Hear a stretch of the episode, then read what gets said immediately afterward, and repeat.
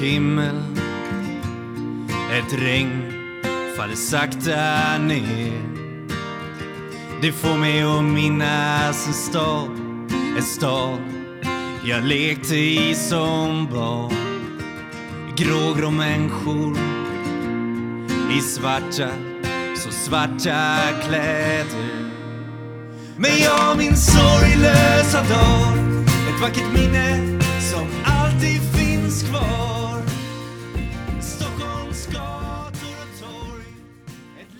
Välkomna till ett nytt avsnitt av Beroendepodden. Beroendepodden är en podcast om alla olika sorters beroende, medberoende och psykisk ohälsa. Och jag som driver podden heter Anneli. Vill ni höra min historia kan ni lyssna på avsnittet. Jättevälkommen till dig som lyssnar för första gången och välkommen tillbaka till alla er andra. På hemsidan beroendepodden.com så hittar ni min mailadress. Eh, Mailar ni mig så svarar jag så fort jag kan. Det kan ta några dagar men jag svarar. Eh, och på hemsidan så hittar ni vad podden gör mer. Eh, och där finns det även en flik som heter Hjälp att få. Går man in på, eh, på den sidan så finns det länkar till olika ställen man kan klicka på om man själv känner att man behöver stöd och hjälp. Så. Eh, fortsätt sprida podden på sociala medier, Instagram och Facebook. Det betyder jättemycket. Och eh, musiken ni hör i podden är eh, Erik Bring som står för. Honom hittar ni även på Spotify. Och eh, jag har även intervjuat honom i podden så vill man höra hans historia så letar man upp honom, Erik Bring. Eh, jag vill påminna om eh, att vi har öppnat upp anmälningarna till Flatenloppet som går den 12 september i år. Flatenloppet är ett löplopp där vi springer för att bryta tystnaden kring psykisk ohälsa och beroendeproblematik. Och vi har även barnlopp så man kan komma med hela familjen och delta. Loppet är 5,8 kilometer runt Flatensjön i Stockholm. Eh, och det går även bra att gå runt. Man behöver absolut inte springa utan man är jättevälkommen att ställa upp och promenera runt. Eh, ja, så ska jag inte säga så mycket mer utan önska er alla en god lyssning. Ba ba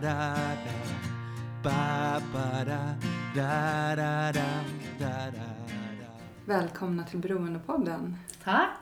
Tackar. Katrin och Beatrice Svarts. Yes. Säger man det efternamnet så? Ja, Mm. bra där. Det är typ den första. Ja, men eh, Katrin, du har ju varit med förut i podden. Mm. Och för er som inte hittade det poddavsnittet så är det borttaget. Yes. Men nu sitter du här igen. Ja. Och denna gång med din mamma. Jo, vars. Eh, och det jag tycker, du sa precis innan så här, att du vill att det ska bli en, vara en solskenshistoria. Mm. Men jag tycker så här, bara att vi sitter här är en solskenshistoria. Tillsammans, ja det är sant. Det är sant. För att du lever nykter, Mm. eh, tillfrisknande sedan sju år tillbaka. Mm. Eh, och Beatrice, du har 23 år. Ja, 22. 22. Ja, Ja, 97 blev jag nykter. 97. Mm, Det är lång tid. Det, hur gammal var du då, Katrin? Tio år va? Ja. 80, och du är född 86? 86. 11 år. Mm. Ja, elva år. Och det, det är ju också det som är med beroendesjukdomen. Det är ju Mm. ofta en familjesjukdom. Mm. Att det är liksom att man har det över sig, mamma eller pappa eller någon annan släkting och så här. Och att det sen fortsätter. Ja, vi har det bevisat. Så långt bak som jag vet så har vi den i min, på, på min sida bakåt. Mm. Så långt jag kan se så är det så. Mm. Det var knäktare som brä- brände hemma och, och så. Så det fanns. Ja. Mm. För jag tänkte att Beatrice, eh, jag skulle jättegärna vilja att du börjar berätta lite hur det har sett ut för dig. Mm. Eh, om vi backar bandet tills, Tills... eh, tills vart du vill börja. Vill du berätta något om uppväxten eller vill du direkt berätta om... Nej, men alltså jag, jag är själv uppvuxen i en väldigt dysfunktionell familj och släkt. Där det inte fanns några gränser och det fanns inte... Det var kärlekslöst liksom. Och, eh, jag vet inte om jag ska berätta så mycket om min egen barndom. Det jag eh, Eh, mest kan titta tillbaka på det var att när jag själv fick mina fantastiskt, fantastiska barn, det var att jag inte kunde ta till mig dem liksom och jag kunde inte jag kunde inte älska dem på en gång för jag älskade inte mig själv. Och jag blev också ganska sjuk när de föddes för att jag förstod inte hur jag skulle kunna ta hand om mina barn. Liksom jag eh, visste inte hur jag skulle klara av att ta hand om de här fina barnen. Och, Du hade inte fått lära dig helt enkelt. Nej, precis. Och jag kunde knappt ta hand om mig själv. För jag hade inga ramar. Det, det jag kan och vet idag, det har jag liksom fått tagit från människor utanför mig själv. Liksom. Och, så jag har inte blivit eh, så mycket lärd om vad, vad, vad rejäl och riktig kärlek är för någonting. än. Så det är svårt att ge någonting eh, som man inte har själv. Så eh, jag kunde inte... Det var tufft att få barnen. Det var jättetufft när, när de föddes. Så blev ganska sjuk, eller blev mycket sjuk blev jag. Eh, men sen, eh, jag tog hand om dem så, bä- så bra jag kunde. Och när jag träffade den här mannen som jag är gift med idag, som är pappan till mina barn, Mm. så var det så svårt att, att, att, att stanna hos honom. För det, det var så mycket kärlek. Liksom. Jag kunde inte ta emot den. Mm. Hans mamma öppnade sina armar och, och gjorde mat och hjälpte mig. Och det blev som en, som en familj där jag liksom inte kände mig hemma. Så jag försökte göra allt för att han skulle lämna mig. För jag kände mig inte bekväm med det här. Men det gjorde han inte. Han ville liksom att vi skulle hålla ihop och, sådär. Vilket vi fortfarande gör. Det har gått 39 år nu. Så han visar kärlek. Så det, vart, det är vi två. Men sen började ju barnen växa upp. Jag har fortfarande inga ramar om hur barn eh, ska ha det och ha det. Och det enda jag vet idag det är att jag har försökt, eller jag har gjort mycket, mycket mer och bättre än vad, vad jag själv hade det när jag växte upp hemma.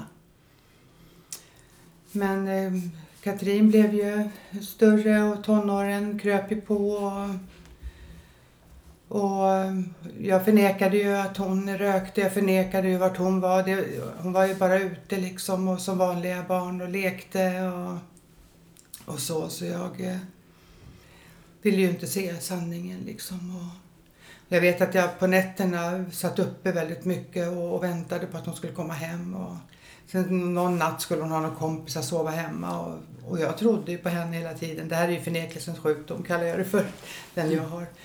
Så då skulle hon ha några kompisar att sova hemma i, i undervåningen i hennes rum och jag trodde ju på dem. Men till slut tänkte jag det kändes konstigt så jag gick ner i det här rummet och då hade de lagt tecken under eh, täckena så de hade ju stuckit iväg då. Så då satt jag ofta också upp och skrev brev på nätterna och, och sådär. Ja, men som en orolig mamma bara sådär. Men när du, när du eh, blev mamma, hur såg ditt eh, drickande ut innan du blev mamma? Alltså jag har ju jag har ju druckit mycket för att jag eh, vågade vara och vågade bli någonting som jag inte vågade annars. Jag vet att när jag eh, tog, eh, tog reda på vart jag själv stod för, i relation till alkoholen på Ersta vändpunkten. Och för min pappa hade precis blivit nykter före mig. Eh, eh slutade dricka och jag eh, blev nästan tokig på att han blev så glad utan alkoholen. Jag blev så där fundersam på, men vad har jag för uppgift nu liksom? Pappa är nykter och han är glad utan att dricka liksom. Så jag visste inte vad jag hade för uppgift på jorden längre eller här i världen liksom. Så jag gick till Ersta vändpunkten för jag tänkte jag går väl ett sånt här Vuxenbarnprogram då som det fanns då på den tiden. Finns väl fortfarande också men och då alltid när man gör en sån här behandling så vill de se vad man själv står för relation till alkoholen. Och det gjorde jag också. Och jag hade bestämt mig för att jag skulle vara 100% ärlig i den här testen som de gjorde. Det var några frågor jag skulle svara på. Och jag hade bestämt mig för att jag skulle vara ärlig i, i frågorna. Och sen när hon berättade för mig eh, när jag var där då att ja, du har själv fått, du har den här sjukdomen då, alkoholism och, och sådär. Jag trodde att, att golvet under mina fötter skulle försvinna för jag förstod inte att jag skulle klara av att leva ett liv utan alkoholen. Liksom. Men det roliga i den här kråksången är att eh, jag hade bokat in en Ålandsresa och jag sa till mig själv okej, jag slutar att dricka efter den här resan. Jag gör den här resan och sen slutar jag eh, och, och dricka. Men i alla fall när jag kom ut ifrån Ersta vändpunkten med, med hjärtat i halsgropen och var helt förstörd över att jag skulle sluta dricka. Jag kunde inte förstå hur jag ska klara det. Då ringer jag till min älskade pappa ehm, och bara skrek ut i telefon. Pappa, jag är, och, jag är liksom alkoholist. Vad ska jag göra? Mitt liv tar slut nu. Varpå min pappa i andra änden vänder på det och säger Beatrice, det är nu ditt liv börjar. Så jag tog aldrig och åkte den här Ålandsresan utan jag tog tag i det och det har gått eh, 22 år sedan den dagen. Så jag tog tag i mitt eget drickande och varpå sen min, eh, en annan eh, familjemedlem i familjen började fundera på vad jag hade gjort. Mm. Och han började också fundera som mig. Min uppgift, vad är den nu liksom? Och han har varit nykter sedan eh, 21 år sedan. Mm. Så att det, det är tre led i.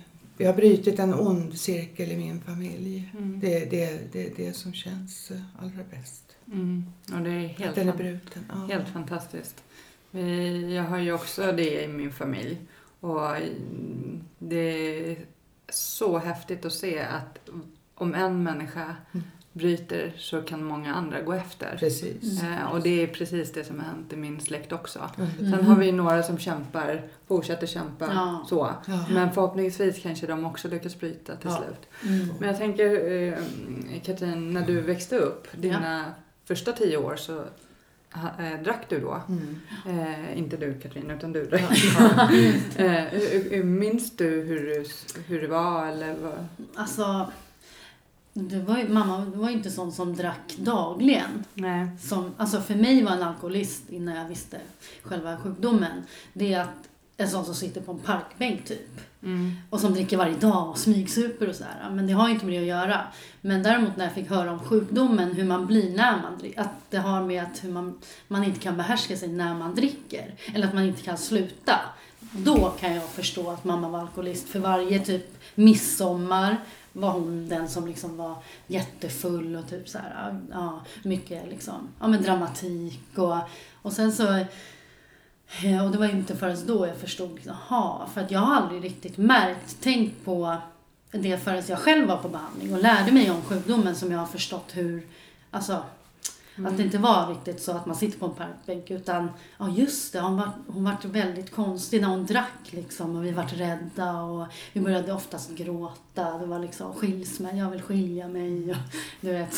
Plus att jag började ju känna igen mig själv också, du vet när jag, alltså nu när jag, under mina år så här. Men, eh, nej, så jag har inte riktigt blivit drabbad på så sätt. Jag har väl mer blivit drabbad av just den här att hon, det här med att jag kanske inte har fått eh, jag vet inte hur man säger, självkänsla eftersom hon när jag växte ju upp i tio år utan, med någon, en mamma som inte hade någon Mm. självkänsla och visste hur man skulle göra och visste liksom eh, så. Ja. Mm. Och det är som du säger, det, man kan ju bara ge det man själv har. Liksom. Ja, och vet man, man måste ju hitta de här verktygen för att sen kunna Precis. föra vidare. Ja. Får jag flika in här så är det, var det ju väldigt mycket så också när barnen växte upp att de var ju vägen. Mm. Alltså de var ju vägen hela tiden. Jag var ju ständigt irriterad på barnen. Mm. De stod i vägen för någonting som jag längtade till, något annat som jag längtade efter. Mm. Mm. Det här är ju mitt samvete också idag men som sagt jag har bett om ursäkt och, och så Ja. för mitt beteende. Så det är på det sättet jag har blivit drabbad. Precis. Liksom, att, jag inte, alltså, att jag inte hade en närvarande mamma. Liksom. Inte Mm. så att hon drack och varje dag utan mer att ja, det här emellan, gångerna emellan. Liksom. Mm. Mm. Ja, nej, och det... Den där eh, ja, känslan att barnen är Ja. i vägen. Den, jag drack ju också min sons första 8-9 år. Men han har ju inga, han har ju aldrig sett mig berusad för jag gjorde det snyggt. Ja. Men jag var ju också så här. "Ah, nästa helg då är han hos pappa. Jag längtade Ja. liksom till de här gångerna. Och så blev det att man drack mer på de känslorna. För det är så fruktansvärt jobbigt att känna att ens barn är i vägen mellan mig och mitt missbruk. Liksom. Precis, precis. Så blir, blir ju det en ond spiral också. Verkligen. Eh, Och det var ju det som krockade mellan mig och min man också. mm. Han var inte på samma nivå som mig och det gjorde mig irriterad på honom. Jag ville ju att det skulle, att det skulle breaka just för att jag skulle få köra mina race liksom. Mm. För att jag skulle kunna Skapa. åka Åland till, Ålandsbåtarna till exempel. Mm. Där var ju liksom, där var det ju verkligen klackarna i taket. Precis som du säger. Mm. Att jag gjorde det inte hemma, jag gjorde det snyggt. Mm. Det är ju Väldigt snyggt. Det är ja, många som lyckas göra det men samtidigt så mår man ju på insidan Ja, likadant precis. som om man inte hade gjort Så är det det. snyggt. Liksom. Så är det Exakt. verkligen. Jag som barn, alltså att inte få någon slags bekräftelse eller slags trygghet. Mm. Det är ju nästan värre än att, alltså, ja det är svårt att, men när man inte får någonting av sina mamma, liksom, att man känner sig i vägen. Det är ju också så, man behöver inte sitta och dricka alkohol framför dem hela tiden. Eller framför sina barn för att det ska drabba dem. Utan det är ju, den här sjukdomen drabbar ju oavsett. Liksom. Mm. Ja, för, och den kan ju vara svårare att ta på. Den, alltså så här, mamma är ju där Mm. och hon dricker inte men ändå är hon inte där. Exakt. Alltså att man som Man barn söker. kanske inte förstår vad det är som... Nej, man söker efter någonting. Man söker efter närhet och trygghet och kärlek. Och då blir man ju liksom tom där. Mm. Och till slut så, ja, som jag kanske, man själv börjar dricka. Men hur gammal var du när du började dricka? Alltså, jag gick ju på min första fest när jag var 13, tror jag. 13, 14 där på högstadiet. Eh, och jag minns ju den festen som går. Vi drack ju typ en kvarting, sån här Explorer. Skulle på fest. Ja, en kvarting Explorer med någon sån här fest, någon rolig blåbärsdricka typ. Juice eller vad det var. Men då började jag ju, då drack jag ju första gången och despo, jag var ju precis som min mamma. Det där har man ju också hört att hur mycket, alltså att man blir som oftast som sin mamma. Och jag grinade den där festen, typ hela festen för att jag var kär i någon snubbe så här. Ja, bara det är så roligt att man blir verkligen sån. Men minns du känslan när du drack första gången? Alltså, det ja, det var ju något som fyllde mitt tomma hål. Mm. Absolut. Jag vart ju någon, jag blev ju sedd. Mm. Du vet, oavsett om jag började grina så vart jag ändå sedd. Och jag fick ju någonting som skapade ja, något i det här tomma hålet som ja, blev tomt för att jag aldrig fick något när jag var liten. Liksom. Så. så absolut kände jag att jag äntligen vart jag någon. Liksom. Och sen blev det rätt så destruktivt snabbt för dig med drickandet. Ja, absolut. Då festade man ju varje helg, som mamma sa. Mm. Att hon, vi sov ju hemma hos mig eller hemma hos någon annan kompis typ. Och åkte ut och festade liksom. Så är det ju. Fast det, ibland så tänker jag att det hör till den åldern också. Men samtidigt så ska man ju kanske inte behöva dricka för att man är blyg eller för att man behöver fylla någonting då. Oavsett om man är tonåring eller inte liksom. Eh, så absolut, det spårar ju ur. Jag börjar ju med, sen börjar jag ju liksom med andra saker också. Mm. Mm. Men Beatrice, berättade du eh, att eh, när du slutade eh, Berättade du att du var alkoholist för dina barn eller hur pratade ni om det? Det låg böcker överallt kan jag tala om. Du gömde dem? Ja, jag gömde dem. Gömde dem. Gömde Ja. tolvstegsprogram. Ja, precis. Det var så pinsamt så jag gömde undan alla böcker. Men du, så du kände inte liksom att du att mamma hade gjort en förändring, att du kände dig stolt eller? Alltså nej. Jag tyckte ju att det var så här töntigt typ. Jag ville ju ha så här, jag vet inte. Jag såg ju mycket upp till mina kompisar som kanske hade så här, ja men föräldrar som drack och så- som man fick röka hemma hos och så här. Så då ville jag att det skulle vara likadant hos mig liksom. Mm. Så nej, jag var inte stolt. Jag visste inte vad stolthet var förrän jag blev nykter kan jag tala om. Alltså. Så är det tyvärr. Jag har också och funderat väldigt mycket på just eh, Katrins väg genom livet. Att eh, det här är bara en, en tro, alltså någonting som jag har gått runt och trott. Eh, Katrin har ju haft, eh, ja, i mina ögon väldigt tryggt. Mm. Väldigt trygg uppväxt. Mm. För hon har ju haft eh, en farmor och en pappa som verkligen har funnits där. Mm. Och jag har ju alltid gett Katrin mat till exempel. Hon har ju alltid haft rena kläder. Hon har ju fått bada. Hon har haft, alltid haft en säng. Vilket jag är inte bortskämd med det alls överhuvudtaget. Då har jag tänkt så här att eh, om du har tryggheten så söker du dig till kaoset. Har du kaoset så söker du dig till tryggheten. Jag vet inte om det ligger någonting i det men när jag, ser, jag ser, tittar tillbaka på Katrin så, så det var för tryggt tror jag. Jag, jag. jag kan se som ett mönster på något vis. Att det var tryggt hemma. Du ville se något annat. Mm. Men jag vet inte om jag har rätt. Nej.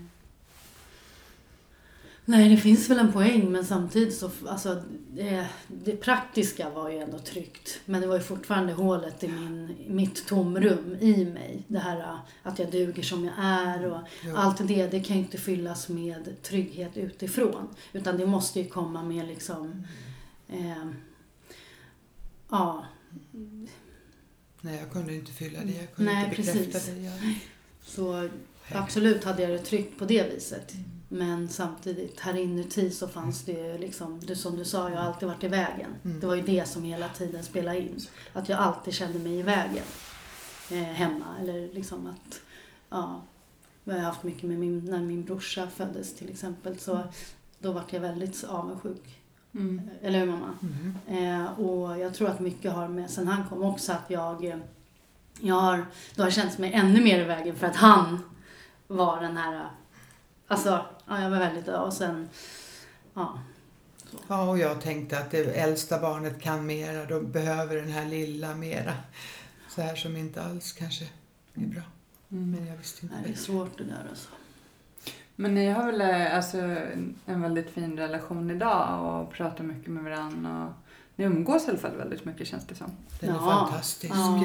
Det, det här är min... Men prata har vi nog alltid gjort alltså. Jag Ja. har oftast sagt det mesta till när jag har träffat någon och sådär. Ja.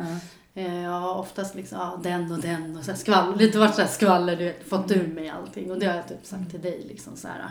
Men inte att jag har druckit och så har jag aldrig sagt, eller tagit droger. Nej, hade den här relationen funnits för många år sedan som vi har nu, då hade det nog varit eh, Ja, på hade annat det- sätt. Så är det. Mm. Jag hade liksom inte tid. Ja, det här tolvstegsprogrammet som jag har gått i, det var i, det, det är några steg som man gör där då. Det är där jag såg hur mycket jag egentligen älskar mina barn. Och, och egentligen så älskar jag dem, även när jag sa till dig att jag blev sjuk när de föddes, så älskade jag dem så mycket. Jag var rädd för att jag inte skulle göra 150 procent med, med barnen. För att jag, jag kunde inte ta hand om mig själv liksom. Mm. Då var det så stort när de föddes. Jag ville bädda in Katrin i bomull när hon föddes. Mm. Att hon skulle få det tryggt och fint och känna på något som jag aldrig har drömt om. Så var det. Alltid. Sen så när, när eh, pojken kom så, så det första jag tänkte på det var hur ska det här gå? Nu har jag mig och så har jag Katrin och så har jag honom. Hur ska jag klara det? Det blev lika sjukt den gången. Mm. Så, ja. Och jag tror, jag, fick, jag har fått höra att, eh, jag vet inte om det stämmer, men att från att man föds så får man den här anknytningen med sin mamma. Mm. Så det är därför det här viktiga med att ligga här och så här. Men det kan ju ha varit redan från början då eftersom mamma inte kände den här kapabla, att jag kände redan då, alltså det kanske låter konstigt men jag har hört att det blir den här första anknytningen är ganska avgörande. Mm. Du vet. Mm. Jag tror att det är jätteviktigt att bli bekräftad och sedd av båda sina föräldrar. Mm. För jag är också uppvuxen jättetryggt med, alltså med Ja. säng, rena kläder, Ja. mat på bordet och så. Och mamma och pappa de lever fortfarande ihop och så. Men eh, då, då är det just den här att eh, pappa har ju varit som dig. Att inte kunna bekräfta och Ja. se och ge mig det jag behöver. Ja. Och det är inte för att han inte vill. Nej. Utan det är för att han inte vet hur man Precis. gör. För att han själv är uppvuxen på det sättet. Ja. Och, och det har ju gjort, alltså, jag vet precis vad ni pratar Ja, om. det är så Det häftigt. är så liksom så här, Samma sak. man blir så ledsen för jag, eh, han har ju varit där i den här, eh, ja men han har ju suttit där i sin eh, fåtölj i hela min uppväxt och Mm. varit där men Ja. ändå inte varit där. Nej, Exakt. Alltså så här, och, och jag vet att eh, som min son, han minns ju inte att jag har druckit för jag gjorde det snyggt. Men däremot så eh, vet jag att jag inte var där känslomässigt Nej. närvarande under hans första år. Och det jobbar jag alltså hela tiden nu när, när jag är med honom, att vara där. Mm. Liksom, nu är jag med min son, även han är vuxen, har flyttat hemifrån, jobbar och så. Men just den biten som vi Mm. och du Beatrice då också har vuxit upp Mm. eh, och saknat i din uppväxt. Mm. Och det är så svårt att ge någonting när vi inte har det själva. Men efter, när man blir nykter och drogfri och tillfrisknar så kan man faktiskt Yes. jobba ikapp det där. Ja, man kan ge sina barn det trots att man kanske inte gav dem det de första åren. Tack och lov. Mm. Verkligen. Och är det, det.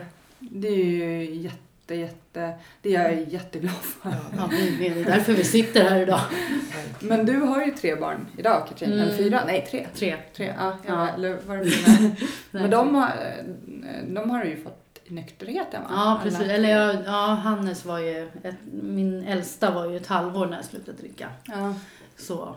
Men, eh, ja, eh, det känns bra. Även fast det är jobbigt. Jag måste hela tiden fejsa allting. Du vet. Mm. Det här som ibland har jag tänkt i början av min nykterhet, så tänkte jag, tänk de som sitter och, ja, det här låter ju konstigt, men sitter och röker på. De slipper gå igång på det här. Mm. För att de liksom, men eh, de tanken, den tanken har ju försvunnit. Men det är ändå någonting som ligger i där hela tiden. Tänk de som dricker varje helg. Då har de hela veckans jobbiga, liksom går över då den här helgen. Trots att de inte, alltså ja det är svårt att förklara. Men man får hela tiden fejsa och liksom, därför är ju det här programmet, 12-stegsprogrammet jätteviktigt för mig. För att då har jag hela tiden vänner, jag har min spon, eller alltså min mentor eller vad man ska Mm. säga. Att ringa till varje dag. Jag har liksom sånt stort nätverk. Så jag kan jobba med det här Mm. hela tiden. Mm. För att slippa använda på helger eller röka på eller du vet så här. Så det är ju fantastiskt alltså. Mm. Men, men när du slutade, hade du försökt sluta flera gånger innan eller lyckades du sluta vid första? Hur såg det ut? Tog du hjälp av mamma eller eftersom du hade flera familjemedlemmar som levde nyktra? Ja, men alltså det roliga är, nu ska jag inte skylla på mina ex, men jag träffade ett ex som eh, var väldigt, vi hade så jobbigt, det var så destruktivt och alltså eh, han, alltså han typ misshandlade mig och så här och jag tror att jag fastnade i det. Det här som du sa, den här otrygg, eller den här tryggheten att jag var kvar i det här kaoset med mitt ex då. Eh, Alltså, jag kommer ju till och med ihåg när jag var utomlands och ringde, ringde till min mamma eller skrev sms att han kommer döda mig. Så, här. Alltså, det var liksom, så jag fastnade i den här relationen och kunde inte ta mig ur den. Och då, på så sätt så eh, kunde jag inte komma till deras nykterhet för jag var så fast i den här relationen. Liksom. Men det var inte förrän jag hade lyckats lämna den relationen. Då började jag se saker och ting klart och då tog jag hjälp 2010 på så behandling. Mm. Eh, för att då blev jag ju själv, du vet. Så då var jag tvungen, alltså, ja, eh, då vart jag själv och liksom såg alla, alltså, ja då. Så jag eh, bad om hjälp och då hamnade jag på behandlingshem. Men jag klarade ju mig ett tag, men sen så tog jag återfall. Så nej, jag klarade inte från första gången. Mm. Tyvärr. Men du eh, visste ju vart du skulle gå. Ja, fick exakt. Det var ju det som var grejen. Då tog jag kontakt med min mor. Jag la alla korten på bordet bara ringde mamma. Jag bara, jag knarkar och jag är det och det och det. och då alltså sa mamma, men välj Korpberget, det är tolvstegsbehandlingshem. Så. Ja, så, ja, på den vägen är det. Och visst, jag tog återfall när jag kom när jag åkte hem från behandlingshemmet. Så tog jag återfall för att jag träffade en kille där och så han drack fortfarande. Så då tänkte jag, men då klarar jag också av att dricka. Ja, så. Så jag, det höll på ett tag då tills att ja, jag skaffade barn och han var ett halvår gammal så drack jag och sen så. Men sen dess så ja, tog jag tag i Mm. allt. Och tänkte så här, går det här före mina barn? Nej, då jäklar. Då ska jag... Eh, eller mitt barn som jag hade, Hannes då. Och ja, så då började jag göra stegen som finns där, tolvstegsprogrammet och sen dess har jag klarat det liksom. Så har jag fått två barn till ytterligare. Så, Mm. mm. Mm. Men ni har ju en intressant historia på jättemånga sätt. Mm. Ehm, men både ni snubblar, ni har ju bytt beroende också lite grann. Och Ja. ha, har även spel. Ja. Eh, som båda lever som tillfrisknande. ja, jag har inte spelat. Jag har blockat mig från spelen. Ja. Hur länge sedan var det för dig? Eh, jag har ju fått blocka mig igen nu. Oj, förlåt. Eh, blockat mig igen nu för två månader sedan kanske. Mm. Så här, och då blockar man ett år framåt. Mm. På spelpaus.se heter det. Mm. Eh, så det har jag gjort. Så då kan jag inte spela. Det kanske man kan men Mm. ja, nej. Så, och sen innan det hade jag också ett år. Så jag kör så här ett år. Det går bara att blocka sig ett år åt gången. Men jag kör ju fortfarande stegen och sådär.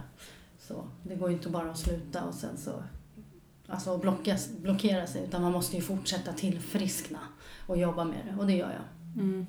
Men hur såg det ut liksom när du var spelare för något? Ja, jag spelade på sådana där slots. Ja. Eller jag spelade med vad som helst. Mm. Bara att få köpa en Bingolott trissar igång mig. Ja. Eller alltså triggar igång mig. Ja, så. Det är samma sak där som med alkoholen. Jag kan inte dricka ett glas vin. Och sen, utan då kanske jag dricker ett glas vin men nästa helg så dricker jag kanske två glas vin och nästa helg så blir jag jättefull.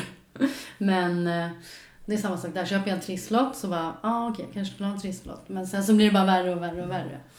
Så ja, jag måste ha total avhållsamhet när det gäller spel också.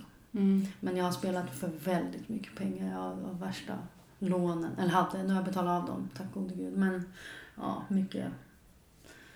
Ja, men det är nog, ett, de säger det, ett beroende ersätter ett annat. Slutar man med ett beroende då börjar man med ett annat. Mm. Oftast är det så. Om man inte väljer att tillfriskna liksom, och leva. Ja, så jobba med det problemet. Mm. Det finns ju självhjälpsgrupper för alla beroenden alltså. Mm.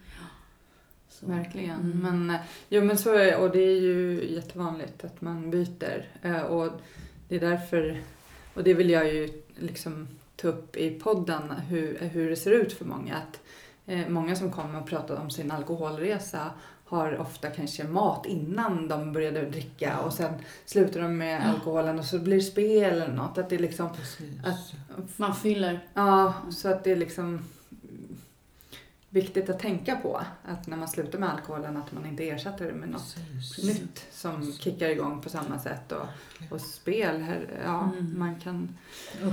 Ja. Jag tror att mitt beroende också faktiskt från början egentligen började med matmissbruk Mm. och socker. Att det ledde mig till alkoholen. Mm. Jag tror att Ja, det är ett så. det beroende Ja, ersätter ett Precis. annat. Det jag glömde tala om också här hos er det är att när jag blev nykter 97 Mm. så eh, anmälde jag Katrin till Ersta vändpunkten, Ja, just. tonårsprogrammet Det som hon bra. fick gå. Och det var ju också genom min nykterhet. Mm. Det var väl det som jag kunde försöka betala tillbaks lite på. Det var jättebra. Sen fick hon en inkörsport till vad pappa och jag då Ja, det hade. var för vuxna, eller för vuxna barn va? tonåringar till. Ja. Det var jättebra, det kommer jag ihåg. Då ritade de upp sjukdomsbegreppet och det var andra ungdomar. Du vet och så. Man blev liksom en, man kände sig inte ensam längre. Typ. Mm. Det, var, det var typ det bästa jag gjort. Och man förstod ju att Nej, det inte var sitt fel. Exakt. Att det såg ut som. Mm. Så det var bra, Ersta vändpunkten. Men Beatrice, när Katrin, eh, du förstod kanske rätt så snabbt att Katrin hade samma problematik som dig eller ja, man kanske ser det på Ja, sina barn. Liksom. Ja, Ehm, hur var det? Du förnekar ju. Jo men alltså det här är förnek- den sjukdomen jag har, det är en förnekelsens sjukdom. Jag, eh, jag, jag, jag till och med förnekade att min, min, min familj var alkoholister. Mm. Och det enda jag har sett på mitt bord sedan jag växte upp är dunkvis med alkohol. Ändå förnekar jag, det finns inga problem här. Mm. Så att det, jag har förnekat det här från, från första början. Liksom. Att, och för, för mig har det också varit det att eh, eftersom inte min familj satt på parkbänkarna så, och, det fun, liksom, och, och de var hemma ibland liksom, så då är man inte alkoholist. För en alkoholist för mig har bara suttit på parkbänkarna du vet, och gått med sin kasse öl. Liksom. Mm. Jag hade också en annan skev bild utav den här själsliga besattheten Precis. som den, som den här sjukdomen verkligen är. Liksom. Mm. Att det här, just det här hålet, att det ska fyllas med någonting. Vad det, vad det än är så ska man försöka fylla det med andra saker än rätt saker. Mm. Men du var ju orolig i alla fall. Har du berättat att du var orolig på nätterna? Och... Ja, oh ja, oh ja. Jag, så, så självklart. Jag undrade vad Katrin var. Hon kom hem ibland, förstår. Och, med både den ena och den andra. Och de ja, ja, jagade varandra. Ja, och, och du vet, jag låg i min, uppe i sängen. Och sen ville jag ju förskona min man från det här. Du vet, jag ville inte att han skulle bli arg. Förstår du, jag har liksom haft värsta jobbet också med att skyla över och, och hålla det här liksom från honom. För, för någonstans har jag ju... Eh, jag vill ju inte liksom att, att han ska... Samtidigt som jag vill att han ska lämna mig så vill jag ju ändå ha kvar liksom min trygghet och, i honom och familjen. Och, För familjelivet för mig har alltid varit så viktigt liksom. Men det här, hur ska han reagera liksom på, på den här? För han är ju inte själv uppvuxen i den här, Nej med det här. Men han har ju sett min, min, på min sida liksom hur, hur det verkligen har varit och, och så. Ja, nej, det har varit, det har varit en, eh, ja vad ska jag säga, det har varit ett maraton. Hela livet har ju liksom varit ett maraton. Liksom. Du ska fixa och dona överallt. Och, Men jag kommer ihåg att du också tjatade mycket på mig och sa glöm inte att vi har den här sjukdomen nu när du visste att jag skulle gå ut på fest och sådär. Ja. Kom ihåg att du har den här sjukdomen nu. Jag tyckte det var så jävla jobbigt. Det, det, det, om jag ska vara riktigt ärlig nu, det här kanske låter jättetufft, men det här har jag också fått, fått, fått med mig i, i det programmet som jag har gått i många år. Det, det, det jag gjorde allra fel, det var att låta Katrin komma hem emellanåt och vila upp sig och sen ta sin väska igen och åka hemifrån. Det jag skulle ha gjort, Katrin, nu, nu får du, om du går utanför den här dörren nu och du vill leva det livet du gör. Men jag fick aldrig det kuraget riktigt att säga det. Eh, Medberoende. Ja, det är medberoende. Och sen är ju ens barn är en så nära. Mm. Liksom. Så det, det, det har jag Men däremot så har jag haft en, en väninna i, i det här tolvstegsprogrammet som jag har gått i. Som gjorde precis det här som jag hade velat. Men jag, jag klarade inte det. Nej. Katrin fick komma hem och vila upp sig. Och sen, för jag tänkte hon går väl bara ut och liksom, jag dricker lite. Men jag visste inte att det var så illa Mm. som det var. Och det där, jag får ju ofta mejl från eh, alla möjliga, men mycket föräldrar. Mm. Hur ska jag göra? Mitt barn missbrukar. Och det är så svårt. Och jag, Mm. jag brukar hänvisa vidare till ja, folk som jobbar med eh, den problematiken. och så här, för att jag skulle ju också vilja säga så här, sätt ner handen och eh, du, du, du, du, så. Eh, men hur skulle jag själv göra om min son Ja. det? Exakt, jag kunde säga till andra Ja. men det var jättesvårt att praktisera det själv. Mm. Men jag vet idag vad man ska göra. Jag vet exakt vad man ska Mm. göra. Jag, jag brukar säga att eh, ta stöd av en självhjälpsgrupp Ja, för eh, medberoende och Precis. sådär. Mm. Och eh, tråd av varandra där liksom. ja, Ja. precis. Mycket. Eller Precis. så. precis.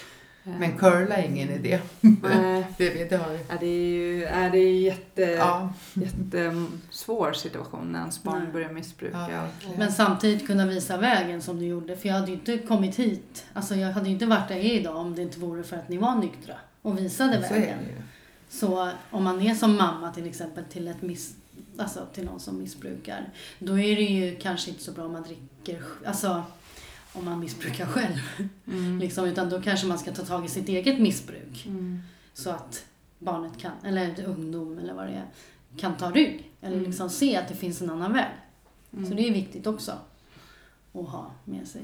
Det häftigaste i våran kråksång det är fortfarande det här med att vi har en hel familj håller på att upprättas. Mm. Och, och Katrins barn och mina barnbarn behöver en dag i taget aldrig se en mormor packad eller Mm. lova saker som jag inte kan hålla. Och, och, en mamma som liksom är närvarande. Mm, Så sen gott man- det går. Det, alltså man är ju människa. Ja. Vi är ju människor. Vi är Mm. inga robotar som går Mm. omkring. Nej, Det precis. tycker jag är häftigt. Mm. Och som sagt var min, min största alkoholist dog för några veckor sedan. Och han fick dö nykter. Mm. All heder till honom för det. För det är han som har visat oss vägen. Ja, Så det är så häftigt alltså. det är Mm. fint faktiskt. Ja, Ja, det är verkligen jättefint. det är ringarna Ja. på vattnet. Mm. Ja. Men jag tänker också lite, för vi var in, lite inne på ditt spelberoende. För det är jättevanligt nu att folk är ja, spelberoende. Mm. Hur såg det ut för dig, Beatrice? Alltså, mitt spelberoende började när jag hade den här kiosken som vi ägde i fem år. Där vi hade Svenska Spel. Ah. Där började mitt missbruk. Mm. Och där hade jag liksom hur mycket godis som helst och hur mycket spel som helst. Så där, jag, jag var ju på ett ställe som jag kanske egentligen inte skulle vara om man tittar i facit. Men eh, nu har vi gjort oss av med den och det är ett kapitel för sig som är, är borta. Mm. Och jag eh, idag, eh, jag vet inte hur man får säga, jag har hittat kyrkan. Jag är medlem i en församling idag. Mm. Där jag eh, fyller mitt hål med det som eh, jag har sökt sedan jag föddes. Ja, Mm. samma här. Mm. Det är han som fyller mig nu. Mm. Och det vet jag att du också har Precis. gått till. Ja. Är det samma församling? Nej. Ja. Mm. Istället för att tro på drogerna så tror jag på Gud. Mm. Typ så. Mm. Fyller det här hålet med kärlek och bara bra saker liksom. Istället för... Det får man lära sig. Mm. Ja, det är fint. Sen tänker jag det här med barnen också. Eh, att de får ju även ha en... Eh, deras pappa är ju också nykter och hans familj är ju också... Alltså deras pappa.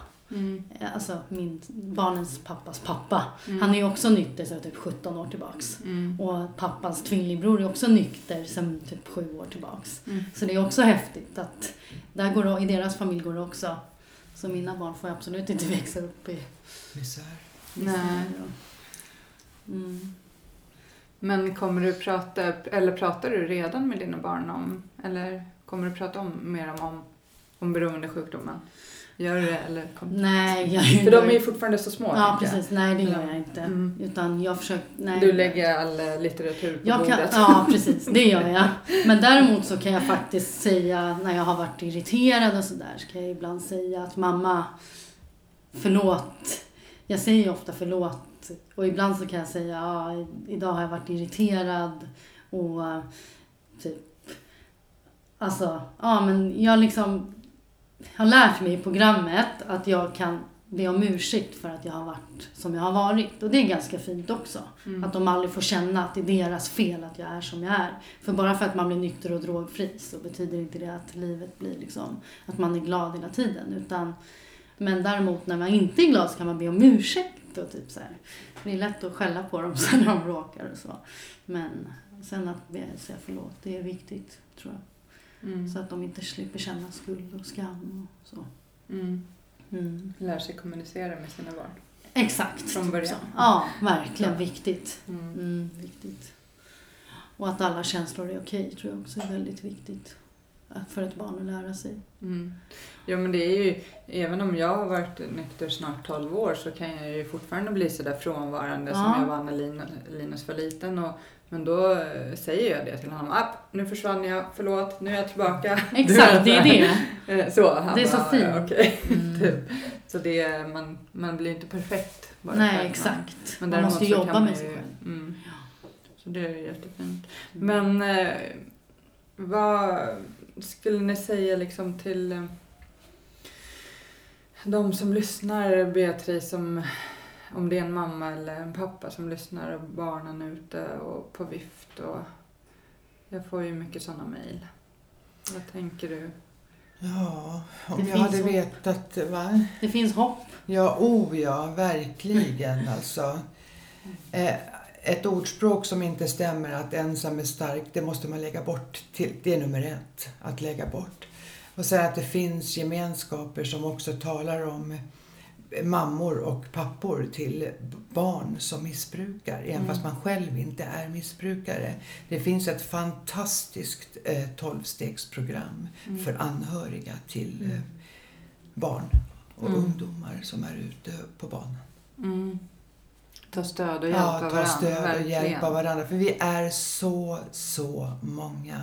Och det är så många som sitter innanför sina dörrar och inte säger någonting. Och tror att de är helt ensamma. Men när Katrin var ute, tog du på dig att det, kände du att det var ditt fel att hon hade börjat missbruka eller hur tänkte du? Nej, Nej. nej. Nej, mitt fel. Alltså jag... Det, sorgen som jag har är ju det att jag blev så sjuk när de föddes. Liksom Mm. att jag inte riktigt kunde ta till mig dem så. Mm. Ja, det har jag fortfarande sorg över. Jag missar ju det, babytiden liksom. Ja. Mm. Men jag, har, jag är förlåtande och jag har en som har förlåtit mig för allting som har hänt. Mm. Det finns en Gud som har förlåtit mig för allting som har hänt i mitt liv. Och sen viktigt att förlåta sig själv. Ja, precis, precis. Som kan vara det svåraste Ja, ibland. Men ja. så här, för det är ju lätt att förlåta andra Mm. Precis. Och jag vet bli- en sak men- till. Att jag har gjort så gott jag bara kunnat. Jag har Mm. gjort så gott jag kan. Jag kunde inte bättre än så, men jag har gjort i alla fall så gott jag kunde. Mm. Så är det. Hur var, hur var er relation när du växte upp? Alltså, det fanns väl ingen anknytning sådär. Det var ju som mamma sa, att jag var i vägen. Lite så här, Mm. att hon var mest irriterad. Liksom. Ja, men och sen också så... Eh, jag är upp, uppvuxen, som jag sa tidigare, i en väldigt dysfunktionell släkt. Fattar. Där har hänt saker som... Eh, ja, det har hänt väldigt tragiska saker. Jag har nog städat bort eh, känslan över att ha vuxit upp med det här. Jag har städat bort det. Och fick inte jag städa hemma, det skulle, ingen skulle ha någonting att säga till om. Jag skulle vara den här perfekta, perfekta, perfekta människan. Ingen skulle se var jag kom ifrån. Mm.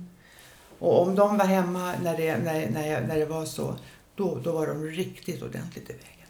Mm. Så var det. Lite som att liksom försöka Skyla, gömma- över, det, skyla över min, eh, min, hur jag Ja. mådde. Så gjorde jag. Mm. Lite som att försöka springa ifrån det gamla Ja. hela tiden.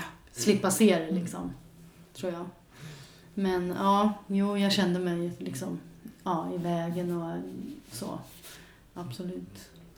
Men eh, det har ju blivit som sagt bättre nu sen du blev nykter. Ja, Det går inte ens att beskriva liksom. Jag är så oerhört tacksam över mina barn nu med Katrin, vad, hon, vad, hon vad du har åstadkommit. Jag är så fantastiskt eh, ja, tacksam. Tacksam, tack. Jag glömmer det ibland. Jag, jag, glöm, jag kan glömma det ibland och då kan jag komma på mig själv.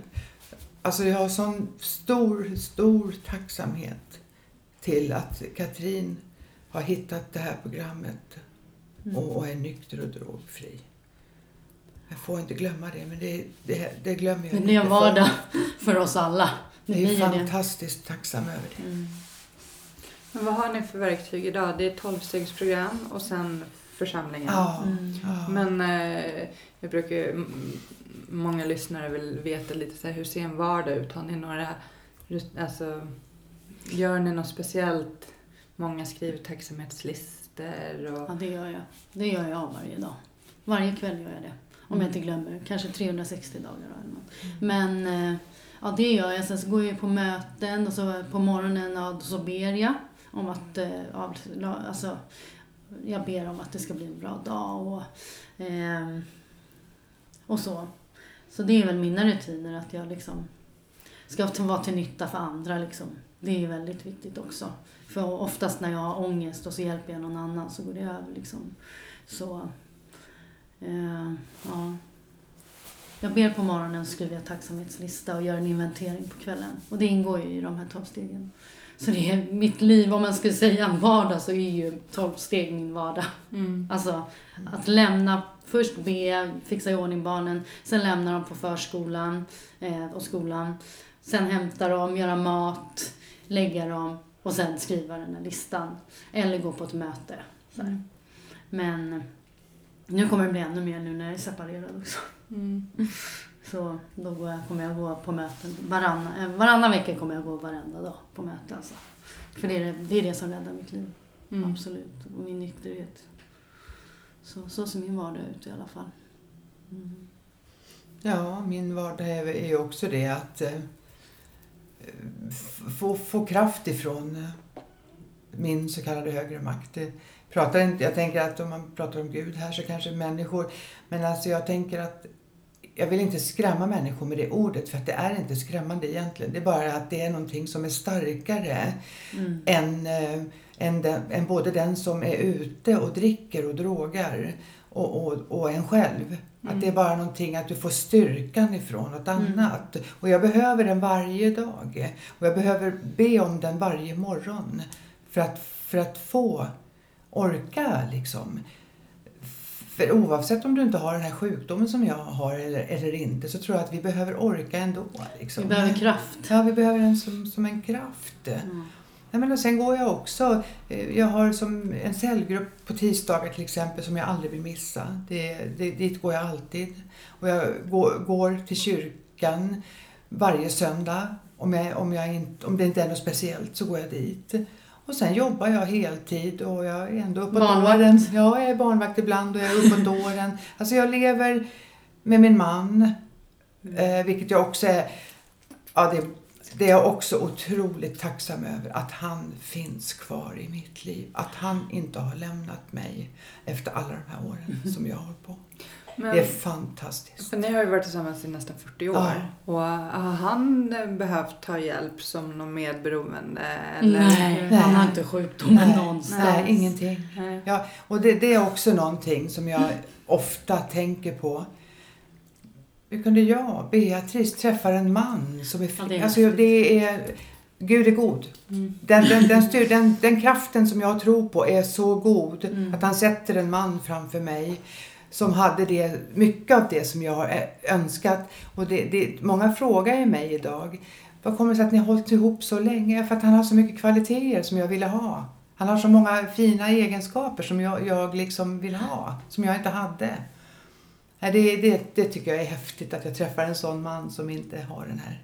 För jag, jag, jag tror att ofta så söker maka kaka. Mm. Liksom att man försöker söka något liknande. Mm. Men eh, inte jag och inte han heller. Mm. Ja, det är häftigt. Det är Pappa är. Ja, han är fantastisk. han har varit min trygghet i livet. Mm. Verkligen. Mm. Det har han. Ja men det är jätte, jättetack för att ni kom och ville vara med. Och det, jag sitter bara här och är, känner mig tacksam och glad. Och ni sprider ju hopp och visar att det Mm. faktiskt går. Och att det är en familjesjukdom men att det ger ringar på vattnet. Och man kan bryta spiralen liksom, Yes. neråt. Och, och även så i min familj vill jag liksom förmedla till er som lyssnar att det, det verkligen går. Eh, tar en steget så kanske fler hakar på liksom. Ehm, Mm. Är det någonting ni skulle vilja säga till lyssnarna innan vi avslutar? Ja, jo, lite grann om, om bara nå nå lite kort om det här med att vara medberoende också.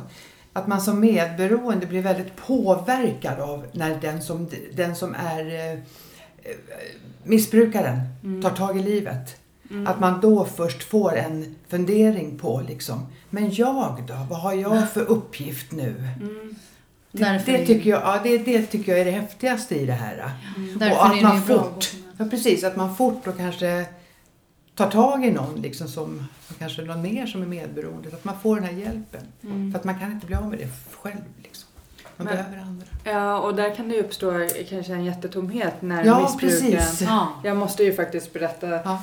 en, en kort historia för det, det där var jättegalet. Min, vi har ju min släkt och, men så har ju jag massa ja, släktingar som, det var flera som slutade dricka på en och, eller som hade en period där, där de inte drack. Mm. Eh, och då var, var det då kvinnan som var medberoende till de här männen.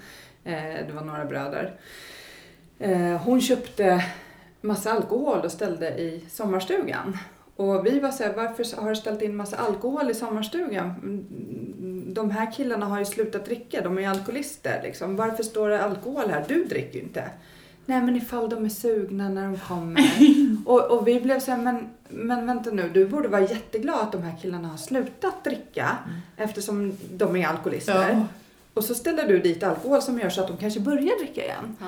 Och det där är otroligt intressant för att hon visste inte vem hon var Nej, Exakt. när, de här männen slutade dricka. Mm. Eh, och liksom någonstans där kanske, oj kom tillbaka. För även om hon inte vill att de ska vara aktiva alkoholister så Exakt. tappade hon sig själv Ja, lite visst, i det hela. det. Liksom, Ja. att så, här, Wow. så det är många sådana grejer har ju hänt i släkten liksom, som man kan tycka är helt galet samtidigt som jag kan förstå liksom, att, Ja visst. att det blir en... Jo, men för den medberoende har ju fyllt det här hålet Mm. med människor som man Ja. behöver ta hand om. Mm. Sen när du till slut inte behöver ta hand om dem, men vad är jag då? Mm. Jag behövde inte ta, ta fram glas till min pappa till exempel som jag sa i början. Mm. Vad ska jag göra nu då när jag träffar pappa? Jag ska inte ta fram nubbeglas till honom längre. Mm. Tappade fullständigt fokus. Men så där har jag haft i mina relationer också. Precis samma sak. Mm. Att när man bara, men nu ska vi sluta dricka. Och så blir han fett sur eller så här jättekonstig. Bara, nej men vi kör igen. Bara för att han inte blir den som, alltså att jag fyller inte den där uppgiften längre att kunna ta hand om honom och sådär. Mm. Och så bara, och så gör, går det en vecka och så gör, alltså alla relationer har varit så för mig med. Att man har gjort slut för att den dricker för mycket. Och så slutar den drick, väl slutar bara, men jag lovar nu ska jag sluta för din skull. Och så bara, då blir det helt konstigt liksom. Bara, men nähä, vem är jag nu då? Så bara, nej men vi dricker ändå. Så bara, men du ville inte att jag skulle dricka. Alltså så där har det varit i alla mina relationer alltså. Ja, dels, dels är att ta reda på vem man är eh, Ja. när den eh, som missbrukar slutar. Men också att den som missbrukar förändras ju som person. Exakt. Och liksom Det det. lära känna, känna den här nya personen. Men precis. den. Precis. Så det, men Katrin, har du gått några vuxet barn? Ja, du sa ju den behandlingen när Ja. du var liten. Men har du gått någon medberoende eller så här i Ja, jag går, jag är i stegen nu faktiskt, i Mm. medberoende. Ja. Så ja, det känns jättebra faktiskt. Det är ju kanske lite därför jag har separerat också. För Mm. att det visade sig att jag, jag, jag kan, alltså det visade sig att jag har varit så sjuk själv i vår relation. Mm. Så att för det bästa för oss båda är att vi separerar. Alltså just för hans skull och för min egen skull. Mm. Liksom. Och det här har jag sett i, i stegen då. Mm. Att jag liksom behöver jobba med mig själv för att... Sen säger inte jag att alla relationer behöver göra så, men det var, vi var tvungna till att göra så. För att lära känna oss själva liksom. Eller jag kan inte prata för honom, men Mm. för att lära känna mig liksom. Så Mm. måste, var jag tvungen att separera, tyvärr. Men så ja, det är, det är mycket alltså. Mm. Ofta är det ju också så att om man slutar dricka, många är ju uppvuxna dysfunktionellt Mm. eh, som eh, sen eh, själva blir alkoholister eller narkomaner eller vad man nu använder för något. Eh, och då först tar man ju hand om den biten och ser till så att man slutar med sin huvuddrog. Och sen så är ju nästa steg att kanske kolla på medberoende eller vuxet barn problematik Precis. och ta det, liksom som Ja. ett nästa steg. Men Ja. det är väl lite så en bit i taget Mm. eller en sak i taget. Så. Absolut, man känner ju själv lite kanske. Mm. När man inte mår bra så Mm. behöver man göra en förändring. Mm. Mm. Ja, Nej, fantastiskt. Ja, Mm. verkligen. Ja, Men också till alla som lyssnar på den här podden nu. Det finns ett ljus i tunneln. Mm. Ja, det gör verkligen Ja, verkligen. Ja, verkligen. Vad häftigt. Ja, det Och gäller så att fint våga att se bara. vilka som lyssnar på det här. Det är så, ja, verkligen så häftigt. Det gäller att man vågar ta det här. där steget bara. I det okända.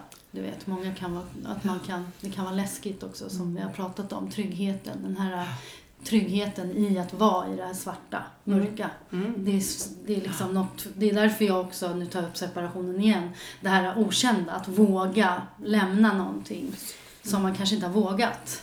Liksom. Det är också att våga ta hjälp, våga göra annorlunda. Alltså in, överhuvudtaget liksom. Våga be om hjälp framför allt. Ja, det är mycket coolt. Mm. Och tack för att du har startat den här podden. Det är fantastiskt. Vi får hjälpa andra människor. Mm. Mm. Det är det verkligen. man vill. Liksom. Ja.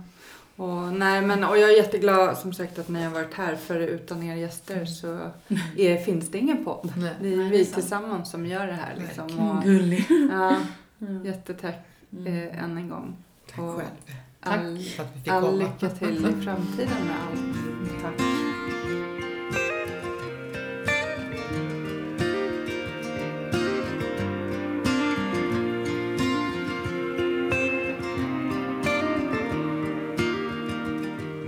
Mörk himmel. Ett regn faller sakta ner. Det får mig att minnas en stad En stad jag lekte i som barn. Grågrå människor i svarta, så svarta kläder. Men jag min sorglösa dag Ett vackert minne som alltid finns kvar Stockholms gator och torg Ett liv så långt ifrån sorg ba, ba, da, da. Ba, ba, da, da.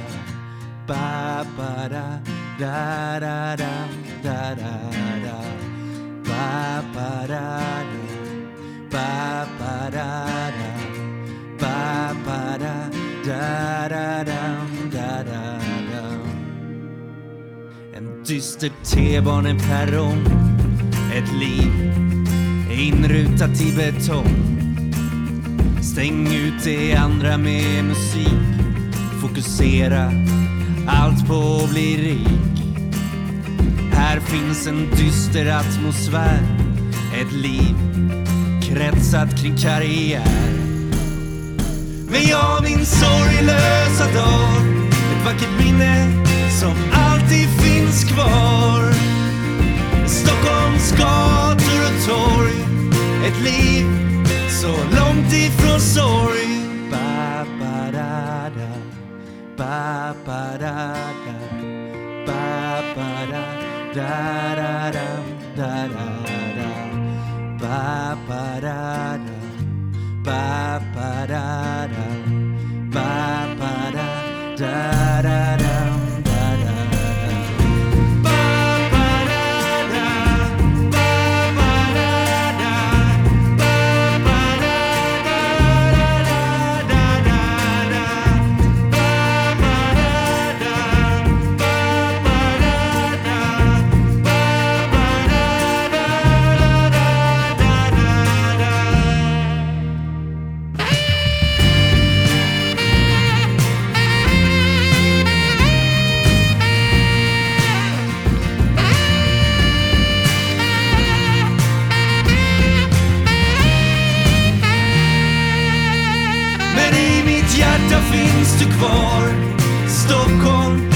drömmar.